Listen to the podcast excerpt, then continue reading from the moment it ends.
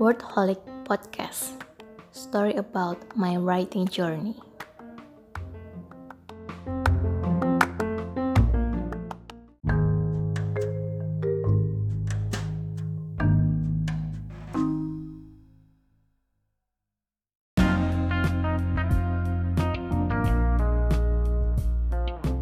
Halo teman-teman Wordholic Podcast. Uh, Kali ini saya akan berbagi lagi tentang tips menulis Dan fokusnya pada content writing. Beberapa minggu yang lalu saya memulai kelas content writing Di kelas yang saya buat sendiri Dan namanya Wordholic Class. Nah dari beberapa pertanyaan teman-teman Akhirnya saya tertarik untuk membuat podcast ini. Sudah lama juga sih saya tidak menyapa teman-teman lewat podcast. Nah, tema yang kali ini akan saya angkat adalah tentang apa saja sih yang seharusnya dilakukan oleh seorang content writer sebelum mulai menulis. Misalnya kemampuannya atau apa saja yang harus dipersiapkan. Sebenarnya sih mau kita menulis konten, mau kita menulis buku atau novel tidak jauh berbeda. Jadi sebelum kita mulai mengetik di komputer atau di saat kita uh, sebelum menulis di buku tulis atau catatan lain, seorang content writer itu harus mempersiapkan amunisinya. Apa saja? Nah, yang pertama adalah mini draft. Kemarin saya menjelaskan pada teman-teman di Wordholic Class jika uh, sebelum kita menulis konten harus ada beberapa hal yang dipertimbangkan sehingga nantinya tulisan kita lebih terarah dan juga tidak ngelantur ke mana-mana. Nah, di mini kreatif brief yang saya sebut dengan draft mini tersebut, yang pertama adalah kita sudah tahu tema besarnya. Jadi, sebelum kita mulai menulis, kita sudah tahu nih arah yang mau kita jadikan isi dan topik permasalahan yang mau kita tulis itu apa. Misalnya, teman-teman tertarik mau menulis tips supaya tidak malas berolahraga. Nah, itu catat aja dulu tips garis besarnya. Lalu yang kedua, teman-teman harus tahu nih kira kira-kira sasaran pembacanya siapa. Nah, kalau teman-teman sudah tahu sasaran pembacanya siapa, ini nanti akan berpengaruh pada gaya bahasa yang akan dipakai. Misalnya, teman-teman ingin uh, membujuk atau mengarahkan teman-teman milenial yang seusia kalian juga supaya mulai menyisihkan waktu untuk berolahraga. Maka gaya bahasanya jangan terlalu formal. Bisa pakai aku kamu atau misalnya pakai saya juga nggak perlulah terlalu yang uh, pakai bahasa yang ala bahasa riset ilmiah gitu. Jadi santai aja. Itu yang paling penting. Nah, nanti teman-teman juga harus berpikir nih, kira-kira tulisan ini hanya sekedar memberikan informasi sajakah? Atau uh, apakah teman-teman itu ingin menjual sesuatu atau membujuk? Nah itu nanti juga akan berpengaruh ke gaya bahasa. Selain soal formalnya atau sasaran yang ingin dicapai kalau misalnya nih teman-teman ingin uh, menyisipkan tips yang yang akhirnya mengarahkan para pembaca untuk ikut fitness di tempatnya kalian. Nah, itu nanti bisa tuh disambungin di dalam artikel kalian. Jadi itu ya, ada beberapa hal yang harus disiapkan.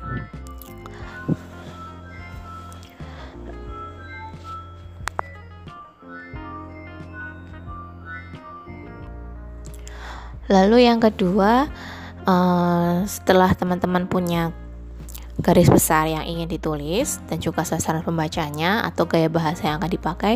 Yang kedua, kalian harus mempersiapkan bahan-bahannya.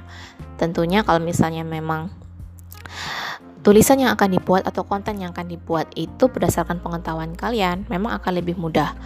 Tapi tentunya ada beberapa hal yang perlu kita riset lagi, misalnya kalau uh, soal pembakaran kalori nih kalau dalam artikel untuk olahraga tentunya kita juga harus bisa nih kasih info misalnya olahraga berapa menit atau berapa jam itu bisa membakar kalori berapa lalu apa saja olahraga yang cocok untuk milenial yang sibuk misalnya. Jadi tentu kita bisa uh, cari sumber-sumber yang lain sebagai pembanding. Nah, tapi jangan sampai plagiat ya, cuma hanya sebagai menambahkan wawasan aja. Misalnya dengan pengalaman kalian ditambah dengan konten yang kita dapat dari hasil membaca di internet juga bisa memberikan lebih banyak informasi yang bermanfaat dan juga pasti qualified untuk dibagikan. Itu yang kedua, kita harus mempersiapkan bahan-bahannya. Dan yang ketiga adalah eh, teman-teman juga harus memperkirakan media apa yang nantinya akan dijadikan tempat untuk share soal konten yang mau kita bagi. Misalnya nih, kalau kita mau nulis, mau nulis di blog, tentunya kita juga harus berpikir kira-kira berapa jumlah kata. Karena blog itu medianya untuk pembaca yang nggak suka baca lama-lama. Karena memang kalau kita lagi baca di internet, baca tulisan yang terlalu panjang, itu biasanya akan membuat kita bosan. Nah, kalau misalnya di blog, ya minimal 500 kata sampai 700 kata itu sudah bagus. Kalau misalnya informasi yang ingin kalian sampaikan itu banyak banget misalnya sampai 2500 kata ya sampai mirip cerpen begitu dipenggal aja. Jadi misalnya jadi dua atau tiga bagian itu juga udah bagus. Nah kalau misalnya teman-teman ingin share nih di uh, Instagram jadi nanti berbagi soal fotonya lalu ada tulisannya di caption. Tentunya nggak bisa panjang-panjang juga. Jadi tulisannya harus lebih padat lagi daripada kita nulis di blog. Itulah uh, salah satu dasar yang harus dipunya sama penulis konten. Jadi selain persiapan soal uh, tulisan dan juga riset, kita juga harus mikir nih, kita nulisnya di media mana.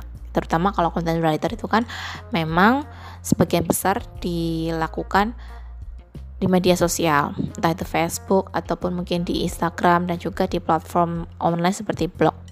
Nah, itulah tiga dasar yang perlu dipersiapkan oleh teman-teman content writer sebelum menulis konten. Apa saja tadi? Kita recap lagi. Yang pertama, teman-teman harus membuat draft kasarnya dulu atau mungkin mini creative brief. Jadi semacam draft mini supaya tahu arah tulisannya mau dibuat seperti apa dan juga isinya mau dibawa bagaimana. Dan yang kedua, teman-teman juga harus mempersiapkan mempersiapkan bahan-bahan bacaannya untuk menambah informasi atau juga menambah kebagusan konten kita sendiri. Dan yang ketiga tentunya cek lagi mau ditulis di media online apa supaya bisa tahu kira-kira jumlah katanya berapa dan mau dan tidak sampai membuat pembaca bosan karena terlalu panjang misalnya. Nah, semoga podcast kali ini bermanfaat buat teman-teman.